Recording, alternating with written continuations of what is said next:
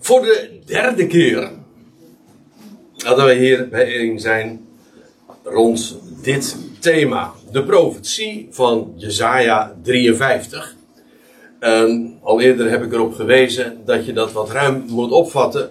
Omdat we ook de laatste versen van Jesaja 52 daarbij moeten betrekken. Want dat is allemaal één geheel. Maar voor het gemak noemen we het dan toch uh, Jesaja 53. Want dat is dan toch het leeuwendeel van, van uh, de passage.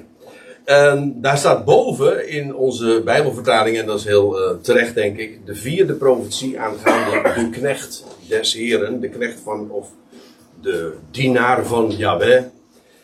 En dat komt omdat daar in de, de profetie van Jezaja, dat is een, uitgebreid boek, het is de grootste profeet die wij in de Bijbel hebben, dat wil zeggen het grootste boek, dat hij heeft nagelaten, 66 hoofdstukken. En in elk geval uh, daar vind je een, een aantal profetieën, voorzeggingen aangaande hem die zou komen. De, wat de Joden dan noemen de Mashiach, de Messias, de Christus. En dit is, om even een indruk te geven, ongeveer geschreven, opgetekend in de 6e eeuw voor onze jaartelling. Um, zoals gezegd, daar waren al een aantal profetieën aan vooraf gegaan. En dan in Jezaja 52, 53 vind je de laatste profetie, de laatste voorzegging aangaande die knecht van Jabé. En het is ook de terecht de bekendste. Dat wil zeggen, onder ons, en in het algemeen denk ik, behalve onder het volk van Israël, het Jodendom. Want uh, al meerdere keren heb ik erop gewezen dat uh, deze profetie dit gedeelte in de liturgische lezing, in het leesrooster in de synagoge, consequent wordt overgeslagen. En de reden daarvoor vind je in het hoofdstuk zelf. Heel eigenaardig, want ja, waar het over gaat is dat de Messias, als hij zou komen, zou hij miskend worden en ook niet herkend worden door zijn eigen volk. Dus als daar een, uh, wat je dus zou mogen verwachten, dat als de aangekondigde komt, dat hij dus niet gekend wordt. En dat is tot op de dag van vandaag, bedoel zijn we inmiddels bijna 2000 jaar verder. En nog steeds wordt hij niet herkend. Maar, ik moet erbij zeggen, het moment nadert dat daar drastisch en compleet verandering in, gaat komen. Nog eventjes een paar dingen uh, ter, uh, ter toelichting, maar ook nog om even voor degenen die er waren, maar ook voor, vooral voor degenen die er niet bij waren, nog eventjes goed een, een bodempje neer te leggen, zeg maar, waar we het ook alweer over hadden. Zonder nu alles dunnetjes nog eens over te doen. Kijk, Jezaja 53, dat is een, een feite een profetisch profiel van de knecht des Heren. Of de dienaar van Yahweh. Maar je zou gewoon kunnen opvatten, zoals wij dat dan geneigd zijn te zeggen, de Messias, de Christus. Wat trouwens ook een Bijbelse uitdrukking is. Hij zou aanvankelijk miskend en veracht worden door het volk. Nou vat ik het even heel kort door de bocht samen. Hij zou aanvankelijk miskend en veracht worden door het volk. En als een lam ter slachting worden geleid. Maar, niettemin, door God worden verhoogd. En, en uiteindelijk ook erkend worden door het volk. En in feite, dat is wat Jezaja 53 is. Ik heb het al een paar keer ook echt ook aangetoond, denk ik. Dat Jezaja 53 straks, ik stel het me zo voor over een, over een paar jaar. Dat dit hoofdstuk gewoon als nationale beleidenis, als, als terugblik, een retrospectief, zoals dat met een duur woord heet, worden voorgelezen. Uh, als openlijke erkenning van dat hij, die zij ooit, eigenlijk duizenden jaren lang, hebben miskend, dat hij de Messias is. En uh, al meer dan eens heb ik de vergelijking gemaakt, en die ligt er eigenlijk zo dik bovenop, dat, hij, uh, dat, uh, dat dat vergelijkbaar is met de geschiedenis van Jozef, die verkocht werd door zijn broers, en dan in Egypte terechtkomt, eigenlijk volkomen buiten hun horizon uh, verblijft, maar niettemin een geweldig hoge positie krijgt. En uiteindelijk komen zijn broers bij hem en dan maakt hij zich bekend. En dan staan ze vol verbazing, uh, überhaupt dat hij nog leeft, maar ook uh, wie hij blijkt te zijn. En dan in schaamte zeggen ze dan van, ja, wat zij met hem hebben gedaan en allemaal hebben misdaan, maar ook dat hij zegt van nou, eh, vergeet dat nou maar. Ik zeg het even met mijn eigen woorden. Want zo moest het gaan. Want God heeft mij naar Egypte gezonden om jullie in leven te houden.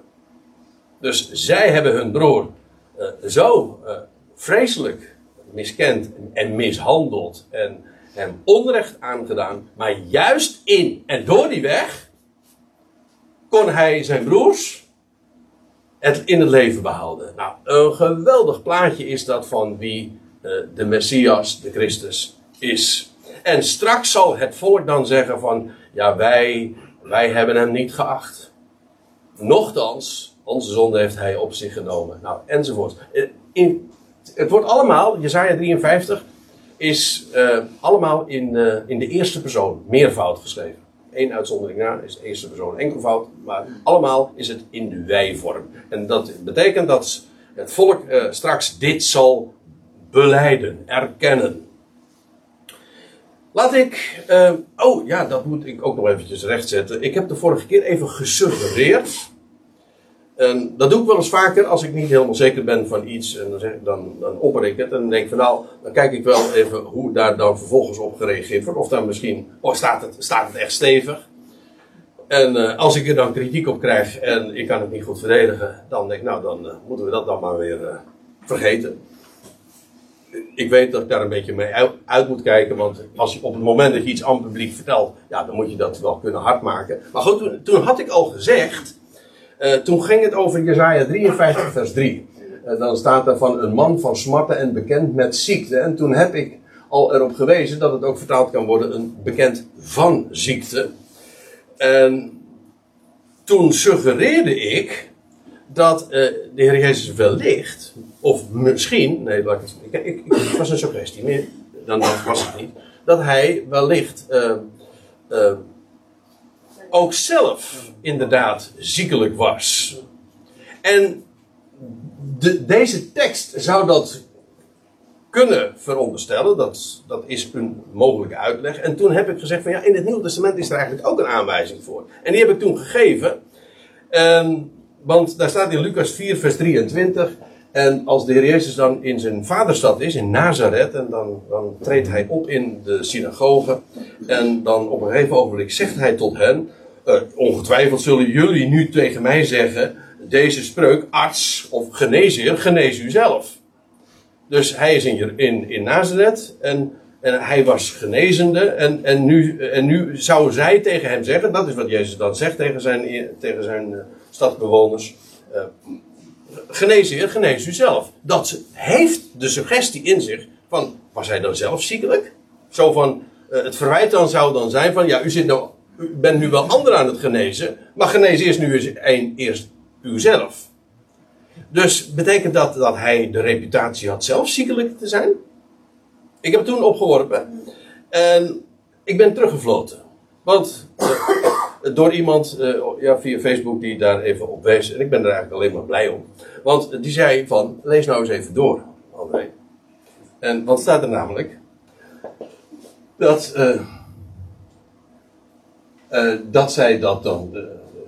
jullie zullen zeggen tegen mij, deze spreuk, arts genees u zelf. Al wat wij horen dat geschiet in Capernaum, doe dat ook in uw vaderstad. Aha, en toen ineens uh, viel het kwartje. Ja, dus die suggestie van dat hij zelf, dat ze daarmee zouden bedoelen dat hij zelf ziekelijk was, gaat niet op. Dus uh, het idee van de opmerking, verwijt is, juist, uh, u bent nu elders aan, aan het genezen geweest, maar nou bent u zelf hier in uw eigen vaderstad. Nou, doe dat hier dan ook eens. Dus dat is een, dat is een heel andere gedachte. Dus dat ondersteunt niet het idee dat de Heer Jezus zelf bekend stond als ziekelijk. En ik dacht van, nou, toen hoorde ik dat. Toen dacht ik van, nou, als ik nou de volgende keer, de laatste keer over Jezaja 53 spreek, dan ga ik dat meteen even rechtzetten. Want de grond die ik aanvoerde, blijkt dus niet uh, solide te zijn. Waarvan akte. Nou, goed.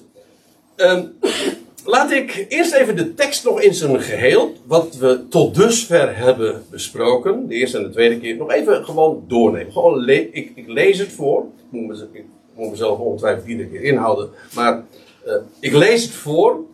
En dan pakken we gewoon bij vers 8 in, uh, weer de draad op. Eerst lees ik voor wat we tot dusver hebben gezien.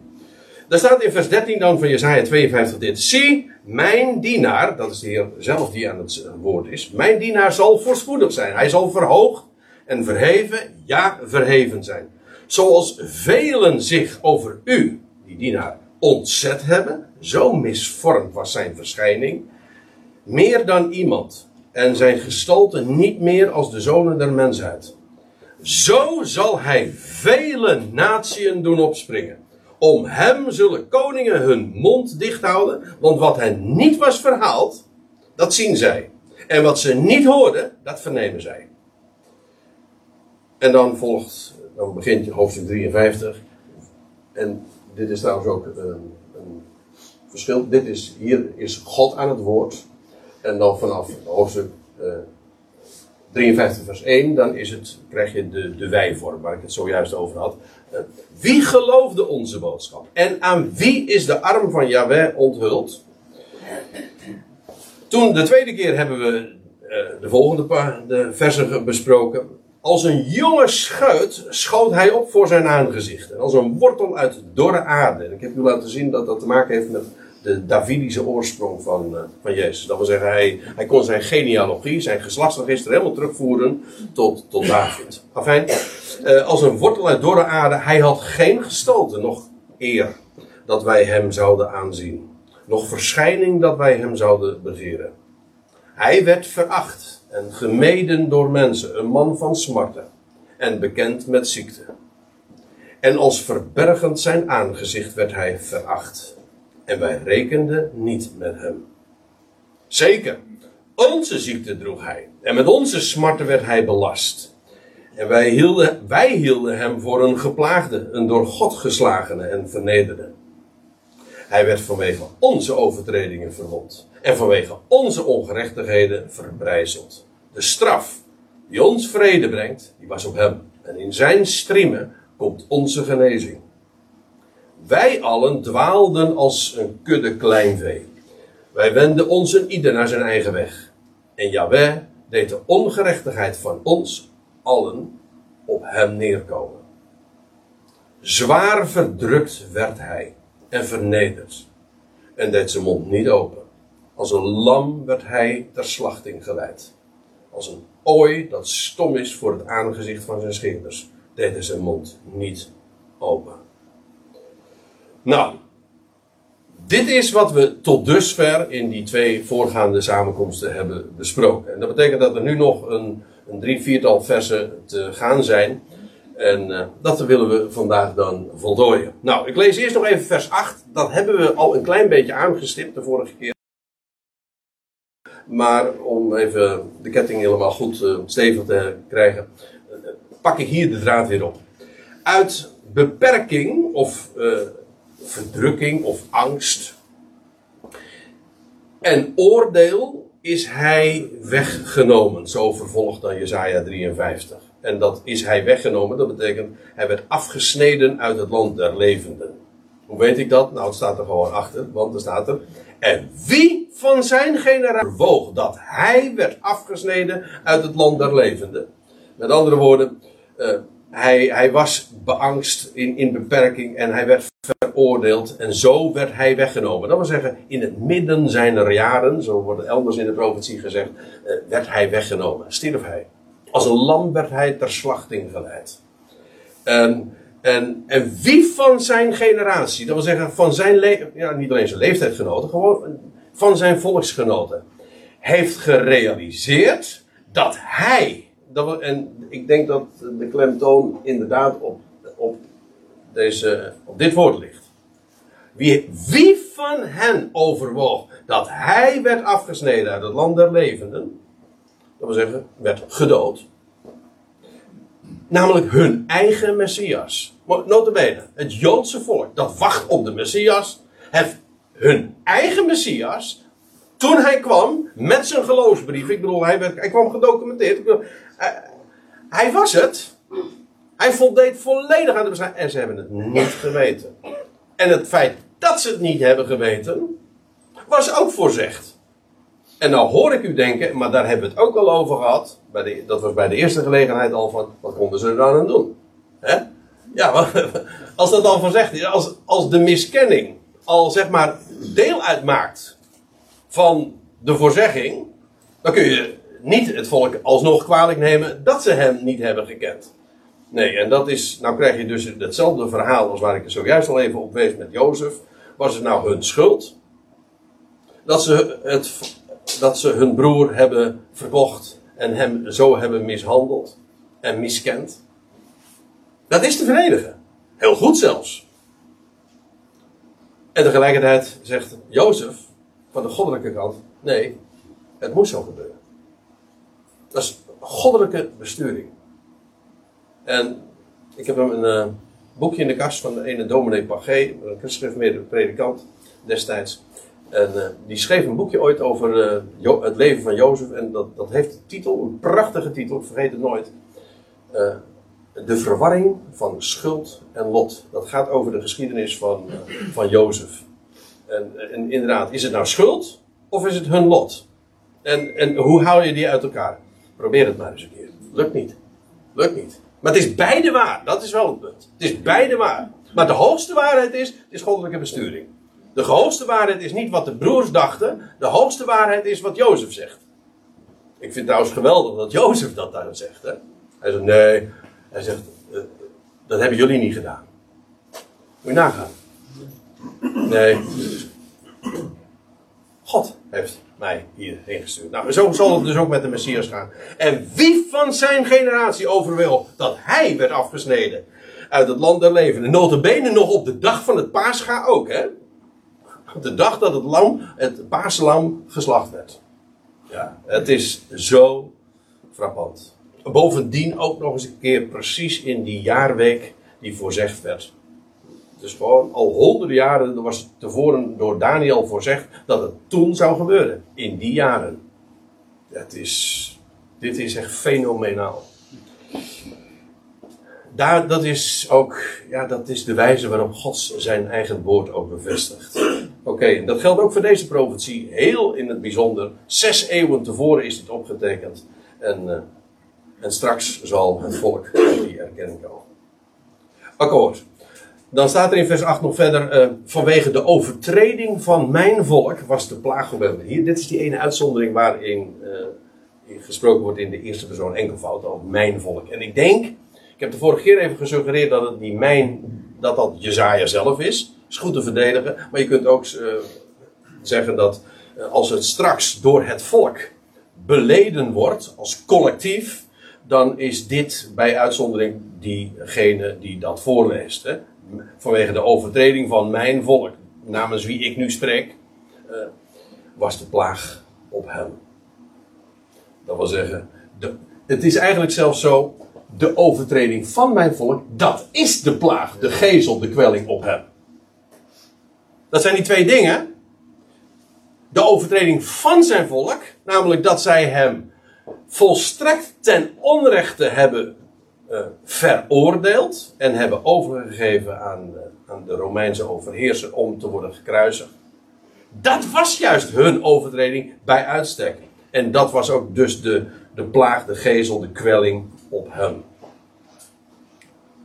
Ik lees verder. Mens, men stelde zijn graf bij de goddeloze. En bij de rijken was hij in zijn dood. Over profetie gesproken. Dit is precies ook zoals het is gegaan. Want men stelde zijn graf bij de goddeloze, want hij was veroordeeld. Hè, als een lam werd hij de slachting geleid. Hij werd veroordeeld, hij, werd geslacht. Ja. Maar als veroordeelde, hij was overgegeven aan de Romeinse stadhouder. En ja, die hebben hem gekruisigd. Dat was uh, ook in het Romeinse recht de, de zwaarste vorm van executie. Het is de vreselijkste dood die je maar kan voorstellen. En Samen trouwens met een, aantal anderen. Uh, en dus zou hij gewoon een, een, in een massagraf belanden. Uh, geen, eervolle, geen eervolle begrafenis krijgen. Men stelde zijn graf bij de goddeloze. Hij werd gewoon als een, als een crimineel, als een misdadiger is hij veroordeeld. Zo is hij ook gestorven, buiten de stadsmuur. En dan zou hij, dan zou hij gewoon in een, in een kuil met de andere misdadigers worden gegooid. Men stelde zijn graf bij de goddelozen. Maar, staat er dan, en bij de rijken was hij in zijn dood. Als je eenmaal weet, hoe, uh, als je de vervulling kent, dan, dan, kun je de klemtoon ook goed leggen. Hè? Men stelde zijn graf bij de goddelozen. Maar, of, en bij de rijken was hij in zijn dood. We weten hoe het gegaan is. Eh, want, uh, hoe, nou, je leest in Matthäus 27 dit. Net nadat uh, Jezus op die 14e Nisan, de 14e Aviv, die dag van Pascha, is gestorven. Hij was al eigenlijk veel eerder gestorven dan gedacht werd. Dat komt ook dat hij een, speer, met een speerstoot is gestorven. Daar hebben we het eens eerder over gehad. Maar goed, dan staat er dat toen het eenmaal tegen de avond liep, toen het nu avond was geworden, ik geloof letterlijk staat dat toen het avond werd, kwam een rijk man van Arimathea. Wij weten uit andere uh, dat die Jozef heette, Jozef van Arimathea. Het was een rijk man. Oh, wat staat hier ook bij, sorry. ja, uh, maar zijn naam wordt uh, iedere keer trouwens vermeld, ook in Marcus, Lucas, Johannes volgens mij overal. Maar goed, hij heette dus Jozef. In welke verhouding hij stond tot de Jezus, dat, weet, dat is onbekend. Sommigen zeggen dat het een oom van hem was. Uh, in ieder geval, het was een rijk man. Het was ook een man trouwens nog een lid van het Sanhedrin. Dus het was een heel aanzienlijk man ook nog eens. Jozef, die eveneens een discipel van Jezus geworden was. Al was het wel wat incognito en Net zoals Nicodemus, ook een aanzienlijke man. Maar uh, ja, al te openlijk daarvoor uitkomen kon niet. En dan staat er. Uh, deze ging naar Pilatus en vroeg hem om het lichaam van Jezus. En toen beval Pilatus het hem te geven. Want je moet je voorstellen, de Joden hebben uh, Jezus overgegeven, het Romeinse recht. En dus zou hij dus bij de goddelozen in de kuil worden geworpen. En, dat zou dan zijn begrafenis zijn. Maar dus het komt, dan is het Jozef die in zijn, in zijn status uh, zegt van uh, mag ik het lichaam dan hebben? En die vraagt dat dan aan Pilatus. En nou ja, die geeft de toestemming. En dus komt Jezus bij de rijken, Jozef van Arimathea, in het graf. Daar was hij in zijn dood. In een, in een graf uh, dat nog niet eerder gebruikt was. Hoe was het ook alweer? Jozef, jij een. Jozef kwam bij zijn uh, vrouw en hij zegt: Vrouw, ik heb het graf weggegeven. Ze gaan de Heer Jezus erin leggen. Jongen, wat heb je nou gedaan? Het is ons pensioen en uh, weet ik en allemaal. Jozef zegt: Jozef, het is maar voor drie dagen.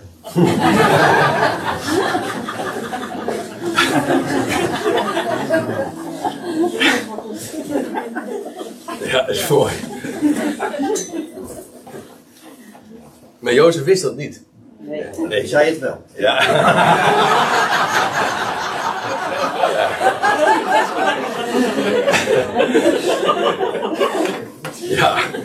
Je hebt wel eens meer mensen die dingen zeggen die ze eigenlijk niet weten.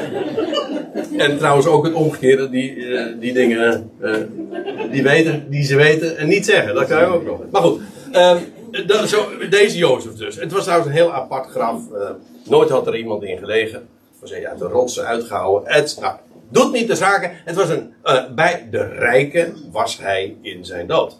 Waar men hem niet had gesteld, daar kwam hij terecht. Of schoon hij geen onrecht deed. Dat wil zeggen, uh, met, uh, hij was ten onrechte was zijn graf bij de goddelozen gesteld. Maar het ging niet door. Hè? En, of, of schoon hij geen onrecht deed, dat is dus dat verwijst naar het, het feit dat hij ten onrechte, bij de goddeloze was gepland begraven te worden. Of schoon hij geen onrecht deed. En dan staat in vers 10 dit. Dat is, dat is een, een vers dat nogal, denk ik, in het verleden in de theologie een hele misplaatste plek heeft gekregen. En dan staat er in vers 10 dit. En Yahweh, de Heere, had behagen in zijn verbrijzeling. Ja, de vertalingen zijn nogal divers. Of, uh, Want de MBG-vertaling, en dat is heel erg in de lijn ook met de, de theologie in het algemeen. Het behaagde de Heer hem te verbrijzelen. En dat eh, bij de eerste gelegenheid, geloof ik. Nee, de tweede keer. Toen hebben we er, ja, de vorige keer ja. Toen hebben we er, wat uitvoeriger op bij stilgestaan. Bij het hele concept van, ja, Jezus moest sterven. Dat is, zo wordt het in de christelijke theologie altijd uitgelegd. Um, waarom? Wel, uh, de wereld was schuldig. Ik zeg het nu even kort weg. De wereld was schuldig. Maar uh, God kan niet zomaar vergeven. Dat is het idee. God kan niet zomaar vergeven, want hij, wel, hij moet, het recht moet wel zijn beloop hebben. En dus toen is Jezus daarvoor in de plaats gekomen. En dat wat ons, de wereld in het algemeen, had moeten treffen, dat is op hem gekomen. Dat noemt men het plaatsvervangend lijden en sterven. Dat, wil zeggen, uh, de veroordeling droeg hij. Hij als een soort van bliksemafleider kwam het oordeel op hem terecht. En, en daarom had Yahweh, uh, heeft eigenlijk zijn woede die ons had moeten treffen, uh, is op hem terechtgekomen. En daarom het behaagde de Heer hem te verbrijzelen. Weet u, inmiddels, omdat ik uh, al zoveel, zoveel beter weet, excuus voor de arrogantie, maar inmiddels nu ik al zoveel beter weet, heb ik veel moeite om dit over mijn lippen te krijgen. Het hele idee dat God er een behagen had om hem te verbrijzelen, omdat hij nu zijn woede kon stillen, dat is zo vreemd aan het hele Bijbelse gedachtegoed. En staat ook hier niet. Sowieso al de gedachte dat God uh, niet zomaar kan vergeven. Want in feite, wat men zegt, is God vergeeft niet. Nee, God laat het, God laat het onrecht, de betaling. Ik bedoel, er is schuld. En uh, wij hoeven die schuld niet te betalen. Hij heeft de schuld betaald. Maar als, als hij de schuld betaald heeft, dan hoeft er niks vergeven te worden, toch? Als u mij iets schuldig bent en een ander die, die, die, die betaalt voor u. Dan hoef ik u toch niks, niks meer te vergeven. Want dan is, dan is het onrecht, of dan is de schuld voldaan. Ga maar eens naar hoeveel liederen er niet zijn die zeggen: ja, onze schuld is voldaan. En zo, dat Jezus betaalde. Het is zo, zit zo diep in de vezel zeg maar, van het hele christelijk verstaan van Jezus sterven. Jezus moest sterven, want anders kon God ons niet vergeven. Wat een bizarre gedachte. Maar goed, uh, ook uh, dit vers wordt daar nog eens voor opgevoerd. En dan zegt men, ja, ja, wij had behagen om hem te verbrijzelen. Want nu kon hij zijn, uh, kon het recht toch zijn belopen hebben. En via hem dan als bliksemafleider. Dat was het idee. Maar dat is niet zo. Jaweh had behagen in zijn verbrijzelen, maar in een heel andere zin. niet omdat hij door God geslagen en vernederd werd. Dat was juist wat het volk dacht. Wij hielden hem, ik las het net voor, wij hielden hem voor een godgeslagene en een verdrukte. Maar om onze overtredingen, en ook door onze overtredingen, werd hij, uh, overkwam hem dat alles. Ja, dus Jaweh had erin, had behagen in zijn verbrijzelen, namelijk hoe hij zich liet verbrijzelen. En dat heeft God behaagd, hoe hij zich gewillig als een lam is hij ter slachting geleid. En hij liet dat gebeuren. En God heeft hem overgegeven aan zijn vijanden. En God heeft niet ingegrepen. En daar heeft God behagen in gehad. In het feit dat hij als Jozef ooit 2000 jaar daarvoor weer, eh, dat hij de weg is gegaan. In geloof ook.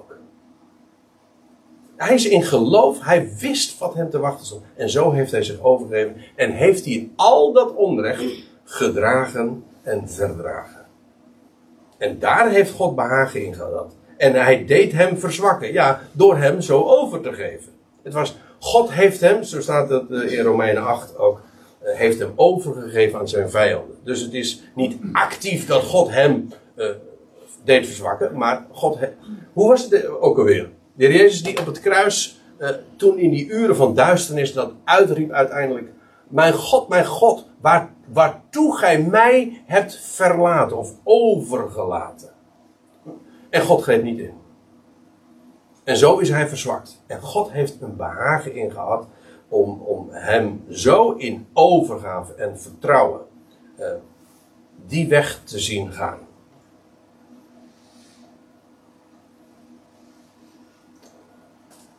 Ik lees verder, vers 10. Als hij zijn ziel tot, het is een hele letterlijke vertaling, dat weet u. Hè?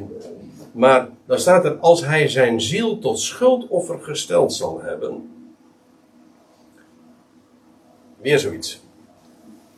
Hier wordt dus gezegd, als hij zal komen, als hij als een lam ter slachting geleid zal worden, dan is dat niet zomaar een slachting. Nee, hij stelt zijn ziel tot een schuldoffer. Hier wordt het een woord gebruikt dat in Leviticus heel vaak gebruikt wordt. En u weet, je hebt allerlei soorten offeranden. Je hebt zondoffers, je hebt brandoffers, je hebt spijsoffers, dankoffers, drankoffers zelfs. Uh, allerlei offers, maar ook bijvoorbeeld het schuldoffer. En bij schuldoffer, het woord zegt het al, is, uh, gaat het om schuld. In dit geval gaat altijd, als er iemand schuldig is, bracht hij zo'n offer. En dat was een bloedig offer. Dan werd er een lam, of soms zelfs een duiven, maar in ieder geval dieren, werden geslacht. Dat was trouwens nog niet het offer. Ook daar hebben we het vaak over gehad. Niet de slachting is het offer. De slachting gaat vooraf aan het offer. Het is eerst de slachting en daarna, na de slachting, dan wordt het een offer. Dan stijgt het op en het ene spreekt van sterven, het andere spreekt juist van opstanding, wat er na de slachting gebeurt. En dat is voor God een liefelijke reuk. Ook dat is, uh, ja, het hele idee van dat je, het offer van Jezus dat zijn sterven zou zijn geweest, dat is niet waar. Hij werd geslacht, juist om geofferd te kunnen worden, omdat hij zou verrijzen voor God hè, tot een liefelijke reuk. En dat spreekt van zijn opstanding. Als hij zijn ziel tot een schuldoffer gesteld zal hebben, wat trouwens al aangeeft dat terwijl hij sterft, dat heeft het karakter van een schuldoffer. Dat wil zeggen, de offeraar, degene die dat doet, degene die, die daar bij de priester komt en dat, dat zo overgeeft, ja, die is schuldig. Maar daar gaat het juist over in het hele hoofdstuk. Namelijk, wij, eh, om onze overtredingen, werd hij doorboord. En de straf die ons de vrede aanbrengt, was op hem. Maar als hij zijn ziel tot schuldoffer gesteld zal hebben, dat, dat zou hij doen, dat is gebeurd, dan staat er, en dat is heel eigenaardig, dan zal hij zaad zien. Ja, zo staat het letterlijk, nakomelingen hebben. Uh, en hij zal zijn dagen verlengen. Laat, goed op je inwerken, wat hier staat. Hier, dit is precies waar uh, wat, wat ik zojuist al probeer duidelijk te maken. Eerst de slachting, daarna het offer. Hier ook, hij zal zijn ziel tot een schuldoffer hebben gesteld. En dan zal hij zaad zien. Dus dit is zo opmerkelijk. Want je zou zeggen van als, als hij gestorven is. Ja, uh, ho hoezo? Hij zal zaad zien. Uh, en hij zal zijn dagen verlengen. Nou, het idee is. Eerst zou hij als schuldoffer dan sterven. Om daarna zaad te zien en zijn dagen te verlengen. Zijn dagen verlengen, dat is een eh, typische Hebreeuwse uitdrukking, maar dat betekent gewoon een lang leven hebben. Lang zal die leven. Ja. Ja, en het langste leven dat ik ken, dat is een leven dat, wat eindeloos is. Wat onvergankelijk is. Nou, dat is precies, dat is, dat is het. Hij zal inderdaad als een schuldoffer sterven. Maar nadat hij dat gedaan heeft, zullen zijn dagen verlengd worden. En hoe? Namelijk Eindeloos. In de gloria. In de, ja, inderdaad. Lang zal hij leven in de gloria. Ja, met zulke liedjes, uh, die hebben vaak een enorme diepgang. Lang zal die leven. Ja, denk je, ja, hoezo? En uh, hij, zal, dat, hij zal zaad zien. Wat heeft te maken met de vruchtbaarheid uh, na zijn sterven niet in de zin van voortplanting, of tenzij het overdrachtelijk bedoelt. Nee, je leest in Johannes 12, dat is trouwens vlak voorafgaand aan, aan het sterven van de Heer Jezus, dat hij zegt: Amen, amen, hè, voorwaar, voorwaar. Ik zeg tegen jullie, als de, indien de zaadkorrel van het graan, een graankorrel dus, niet valt in de aarde en zou sterven, dan blijft het alleen. Maar indien hij zou sterven, dan brengt hij veel vrucht voort. Want de Heer Jezus zegt van, ik moet sterven en in de aarde vallen. In feite ook een beeld van zijn begrafenis. Maar hij, zegt, hij vergelijkt dat met een graankorrel. Een graankorrel, ja, als, dat, als daar niks mee gebeurt, ja, dan zal het nooit vrucht dragen. Een graankorrel moet eerst in de aarde vallen en sterven, teniet gedaan worden als, als graankorrel. En alleen via en in die weg zal het vervolgens veel zaad zijn. En dan wordt één graankorrel, wordt dat, wordt dat een, een compleet, ja, nou ja, in feite is het eindeloos. Uh, ik bedoel, dat ze veel vrucht voortbrengen. Nou, dat is wat, wat Jezus zegt. Ik zal sterven. Maar dat moet ook, want alleen via dat traject zal ik veel vrucht zien. Want uh, ja, hoe is het? Ik uh, zei het zojuist nog in mijn dankgebed. Hij stierf inderdaad om drie dagen later opgestaan, om, om, om, drie dagen later opgewekt te worden. Maar hij is de eersteling. Hij is de eersteling uit de doden, dat wil zeggen de eerste die opstond uit de doden om nooit meer te sterven. Ik zeg de eersteling, dat betekent dat de rest gaat volgen. En dan zegt Paulus, ja natuurlijk, uh, Zoals in Adam alle sterven, zo zullen in Christus allen worden levend gemaakt, maar ieder in zijn eigen rangorde. Hij de eersteling, en dan krijg je de, de volgende rangorde, dat is binnenkort. En, en dan krijg je daarna nog een, eh, het einde. Kortom, er, er zijn verschillende afdelingen, maar dat is allemaal als, uh, als consequentie van wat hem is overkomen. Hij is de eersteling, maar daarmee ook de garantie dat eh, de rest zal volgen. Indien hij zou sterven, brengt hij veel vrucht voort. En, uh, en vandaar ook dus dat er staat: Als hij zijn ziel tot een schuldoffer gesteld zal hebben, zal hij zaad zien en hij zal zijn dagen verlengen. Nou, en hoe? Het spreekt dus van zijn vruchtbaar sterven. Ja, het, het kon alleen maar zo vruchtbaar zijn, juist doordat hij stierf en begraven werd. En, en zo zou hij inderdaad een eindeloos leven zien. Eindeloos in de kwantitatieve, maar ook in de kwalitatieve zin van het woord. Zoals je een eindeloze vakantie hebt gehad. Ja, oké. Okay. En er staat er, het behagen van Yahweh het, ja, in de MBG-vertaling staat het voornemen, van, het voornemen des Heren. Het behagen van Jahweh zal door zijn hand voorspoedig zijn. Maar nu treedt dus iets uh, aparts uh, op. En ik heb al bij de eerste gelegenheid gewezen op uh, de structuur van deze passage. Die, die, die noemen ze chiastisch. Dat is dit. Eh, maar ook dit vers is weer chiastisch. Chiastisch heeft te maken met de Griekse letter chi, onze x zeg maar. En dat wil zeggen dat het begint zoals het eindigt. Dit is gewoon het spiegelbeeld. En maar eh, alles gaat om, eh, het wijst naar binnen. Dat noemen ze chiastisch. En dat betekent bijvoorbeeld ook in dit geval is vers 10 is chiastisch. Dat, dat zie je, want het begin loopt parallel met het einde.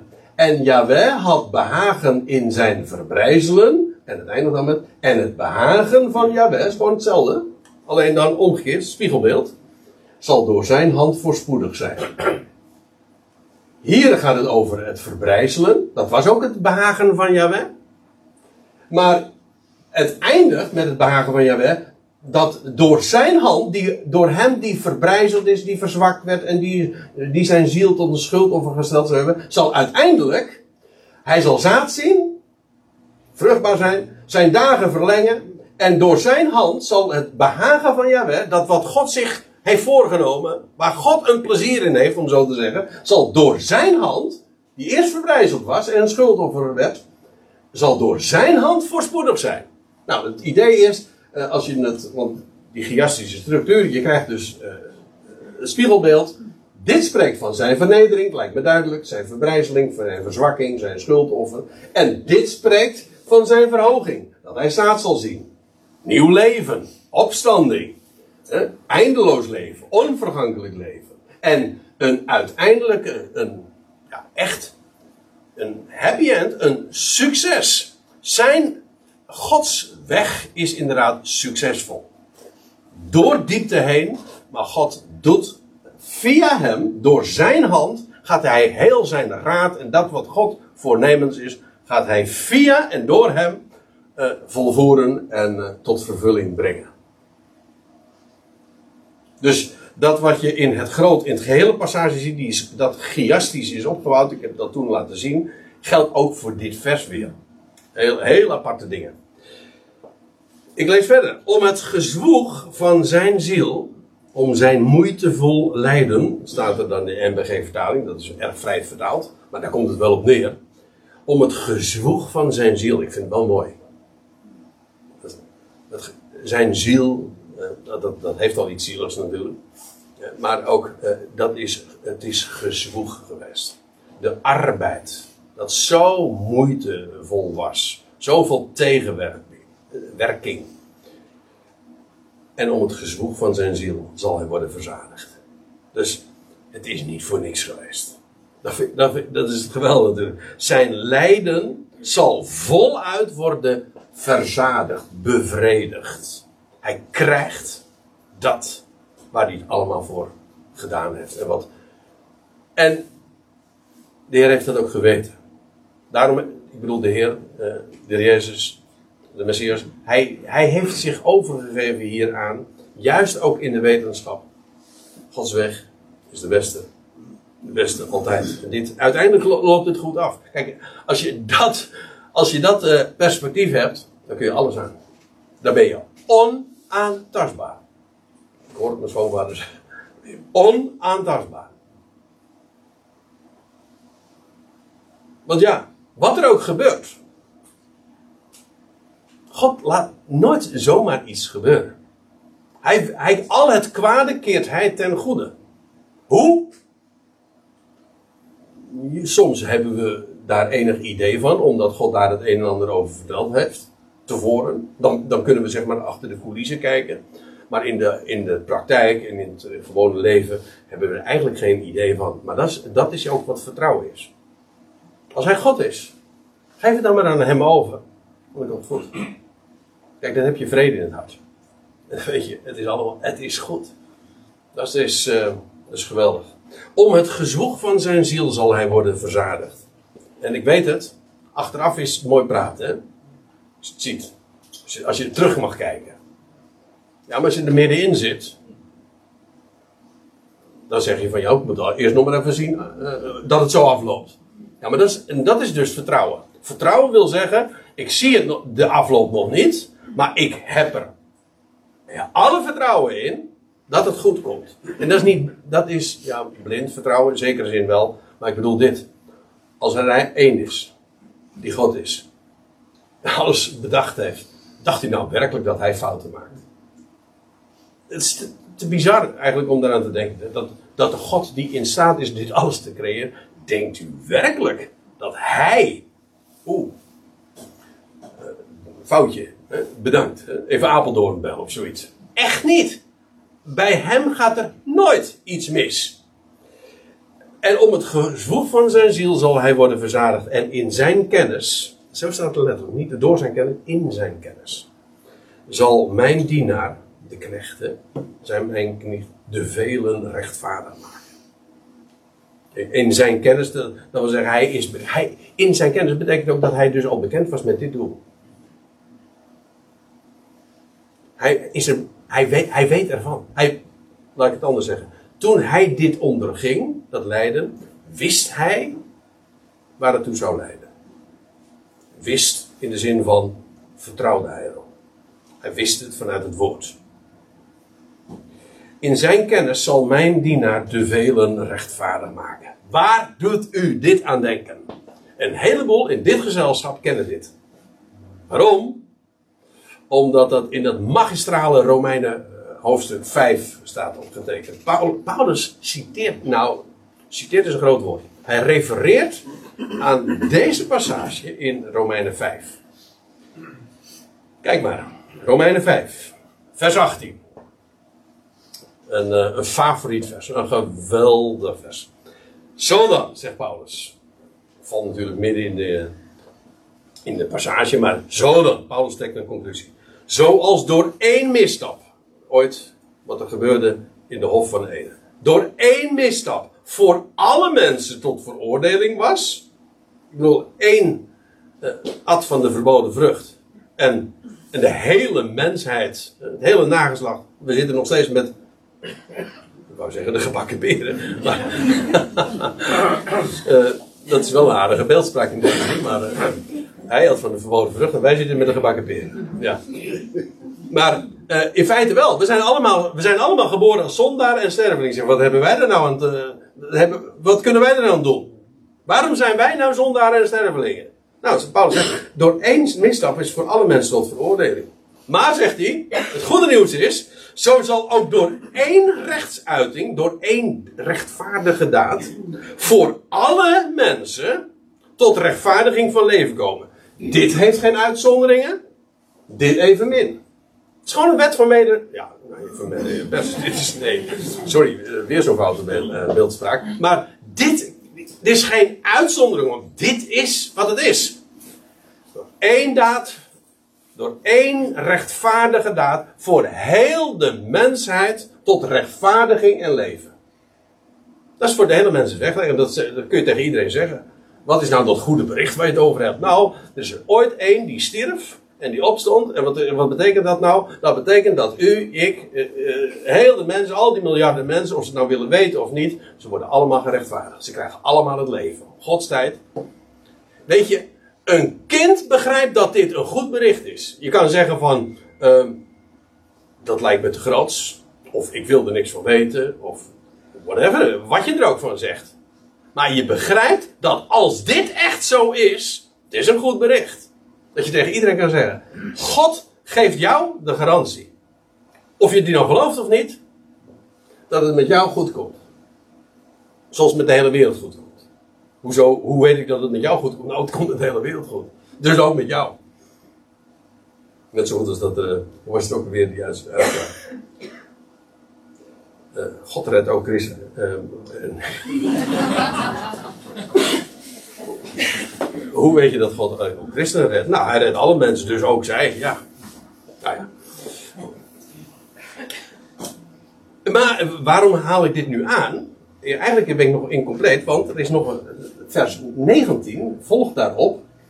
Uh, want Paulus gaat dit nader toelichten. Net zoals door de ongehoorzaamheid van de ene, Adam, van de ene mens, de velen tot zondaren werden gesteld. Werden gesteld, hè? Dat, is, dat is geen keuze, dat, is gewoon, dat overkwam hen.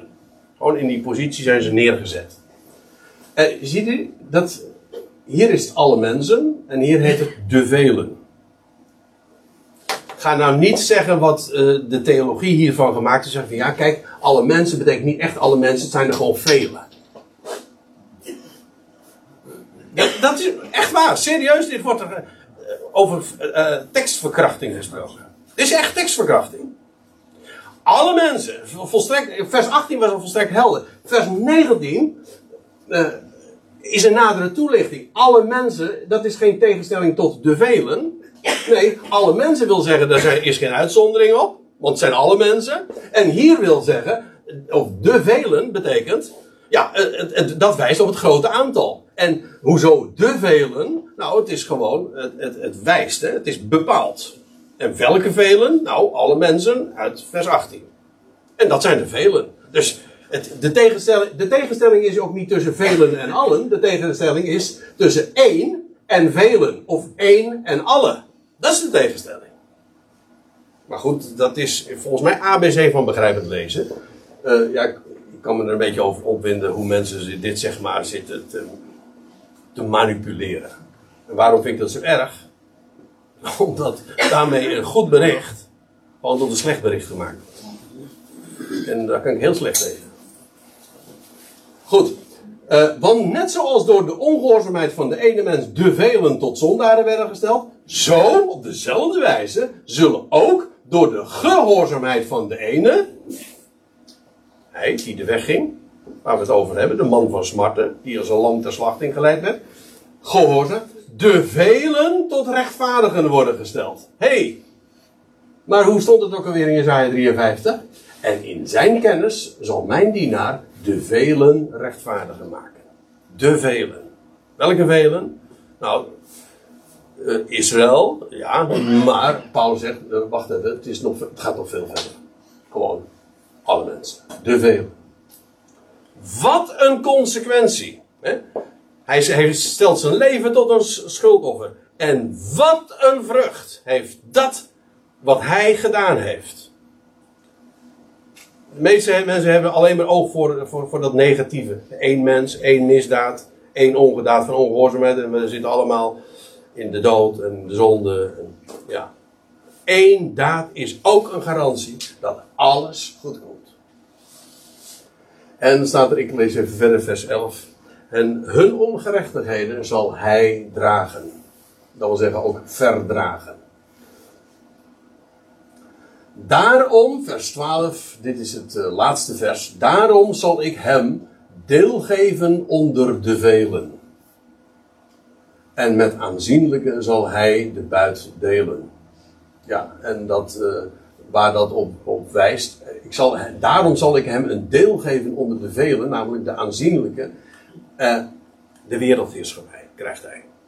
We zagen al in, eerder in, in, in het voorgaande hoofdstuk, ik heb voorgelezen, hij zal koningen doen opspringen. Ja, want hij blijkt dan de echte rechthebber op de troon te zijn. Hij is namelijk Davidisch. Hè? Hij krijgt, Jezaja 9 had al gezegd, de heerschappij, hè? een kind is ons geboren, een zoon is ons gegeven. En de heerschappij, nee, de heerschappij, maar de heerschappij rust op zijn schouder, enkelvoud. De heerschappij rust op zijn schouder en dan staat er, en groot zal de heerschappij zijn en eindeloos tevreden op de troon van David, doordat hij het sticht in recht en gerechtigheid door de. Hoe staat het? Help me even, hoe staat het er verder? Nou ja, eh, door het voornemen des Heren zal, uh, zal, dat, uh, zal dat geschieden. Sorry, ik weet even niet hoe het precies mee staat. Maar niet, kijk het maar naar, het staat er echt. Jezaja 9. De wereldheerschappij rust op zijn schouder. Niet alleen maar, hij krijgt niet alleen straks zijn plek in Jeruzalem. Als hij straks gaat verschijnen in, in voor Israël, dan gaat hij koning worden na verloop van tijd in, in Israël. Inderdaad, op de enige plek waar de troon van David hoort, in Jeruzalem. En dan zal hij zijn heerschappij vestigen in Israël en uiteindelijk over alle volkeren. Ja, het staat allemaal in de Bijbel. Het, zo is het voorzegd. En hij gaat die heerschappij, de wereldheerschappij, op zich nemen. En dat zal een eindeloze vrede zijn. In recht en gerechtigheid. En eh, velen zullen in die eh, heerschappij ook delen. In feite, de, het koninkrijk dat we straks gaan krijgen, dat wordt een Israëlitisch wereldrijk. Weet u dat? We hebben een Grieks wereldrijk gehad, een Romeins, een uh, Medo-Persisch en een Babylonisch. En het uiteindelijke wereldrijk wordt een Israëlitisch wereldrijk. En met de velen zal hij deze buit delen. Hij zal de heerschappij ook uitdragen, delegeren. Maar hij zal de koning. De koning der koningen. Omdat hij, staat er dan, die buit krijgt hij, omdat hij zijn ziel uitgoot in de dood. Dus zijn verhoging en zijn koningschap, die dankt hij aan zijn vernedering. Aan het feit dat hij zijn ziel uitgoot in de dood. Eerst lijden, daarna heerlijkheid. Dat is het Bijbelse stramien. Eerst lijden, daarna heerlijkheid. En omdat hij onder de overtreders werd geteld. Ook zo eigenaardig, hè? Hij werd gekruisigd met aan weerszijden twee misdadigers. Ja, ik zeg het goed trouwens hoor. U denkt van aan weerszijde 1, nee, aan weerszijde 2. Oké. Daar gaan we het nu verder niet over hebben, maar hij werd onder de overtreders geteld. Ja, zo werd hij ook niet alleen geteld, zo werd hij ook veroordeeld. En hij in het midden. De deugd in het midden, ja. En terwijl, terwijl hij, dus hij werd onder de overtreders geteld, terwijl hij de zonde van velen droeg. Bedenk nog steeds, terwijl ik deze dingen nu vertel, uh, Israël gaat dit dus straks erkennen. Hij droeg de zonde van velen. Namelijk, hij onderging en verdroeg hun zonde. En hij voor overtreders bad. Moet nagaan. Want zo, dat was zijn houding. We weten dat ook, toen de Jezus veroordeeld werd. Wat was het eerste gebed wat je leest, dat hij uitsprak toen hij genageld werd aan het hout? Dat hij zei, Vader, vergeef het hun. Want zij weten niet wat ze weten, niet wat ze doen. Hij wist het wel. Hij, hij kende het wel. En hij zegt, eh, eh, eh, hij zegt tegen zijn vader: Vergeef het hun, want zij weten het niet. maar zo moet het gaan. En ja, als een lam is hij zo inderdaad ter slachting geleid. Ja, het is, het is echt zo indrukwekkend. En ik, ja, nu wordt het tijd om het, uh, om het samen te vatten. Want ik zie dat het inderdaad uh, uh, tijd wordt. Maar als je dus dit hoofdstuk beziet. Jezaja 53, ja. Wat, wat, wat, weten we daar? We hebben nou daar drie keer over nagedacht. En echt, ja, vers voor vers, soms zelfs woord voor woord, zijn we daar doorheen gegaan. Ja, en we hebben vastgesteld, ja, dit spreekt van de Messias. Het voorzegt hem. Dit, dit is wie hij zou zijn. Zes eeuwen van tevoren werd gezegd van, zo zal het zijn. Jezaja 53 is niet het enige hoofdstuk, dat wil zeggen, integendeel. Maar dit is wel, dit is zo geweldig. Het spreekt van, nou laat ik laat het nog even op een rijtje zetten. Stuk 14, 15 kenmerken. Van zijn Davidische oorsprong, dat wil zeggen, uh, hij was de zoon van David. Dat, David was uh, de koning uh, duizend jaar eerder, maar hij kon zijn geslachtsregister tot hem terugvoeren. Zijn miskende koninklijke afkomst. Hij had geen gestalte noch eer. Hij was koninklijk van origine, maar hij miste de koninklijke waardigheid. Had geen troon, geen heerschappij, geen kroon. Wat het ook voor zegt, is zijn genezingsbediening. Onze ziekte nam hij op zich. Zijn verwerping door zijn eigen volk. Zijn, dat, het misdadig strafproces dat hij onderging. Maar ook zijn berustende stijl. In, bij zijn veroordeling. Hij schold niet terug. Als een lam ging hij die weg. Stom. Zonder enige tegenspraak. Hij heeft zich overgegeven, berustend. Zijn doodvonnis als schuldoffer. Zijn sterven te midden van criminelen. Zijn graf bij een rijke. Zijn vruchtbare, u begrijpt wat ik bedoel, opstanding. Zo zal hij zaad zien. En, maar ook zijn tegenwoordige verberging. Dat uh, hebben we bij de eerste keer al toen gezien. Zeggen, dat is. Wat, wat, zijn aangezicht verbergt hij nu. En straks ja, uh, gaat hij spectaculair verschijnen. Zo staat het eigenlijk er ook. Hè? Want er staat, uh, hoe wordt het geformuleerd? Zoals hij velen uh, heeft ontzet, zo zullen ze koningen met verbazing hem straks aanschouwen. Zoals ook gezegd wordt van het volk, ze zullen zien wie zij hebben doorstoken. En een rouwklacht over hem aanheffen. En dan zal Jezaja 53 worden voorgelezen. Het spreekt van zijn toekomstige spectaculaire verschijning. Ik bedoel, nu is hij verborgen en straks, en straks treedt hij ja, in de openbaarheid en zal hij gezien worden. Dat is zijn terugkeer. En dan zijn, begint zijn koninklijke heerschappij en zijn uiteindelijke ultieme bekroning. Hij zal het zien, om zijn moeitevol lijden zal hij verzadiging zien. Echt complete bevrediging. Geen grootsere, uh, ultiemere, universeler uitkomst is denkbaar dan wat hij, uh, wat via hem bewerkt gaat worden. Dat, dat is Gods voornemen. Dus ja, uh, en dat allemaal om zijn moeitevol lijden. Gods weg is de beste.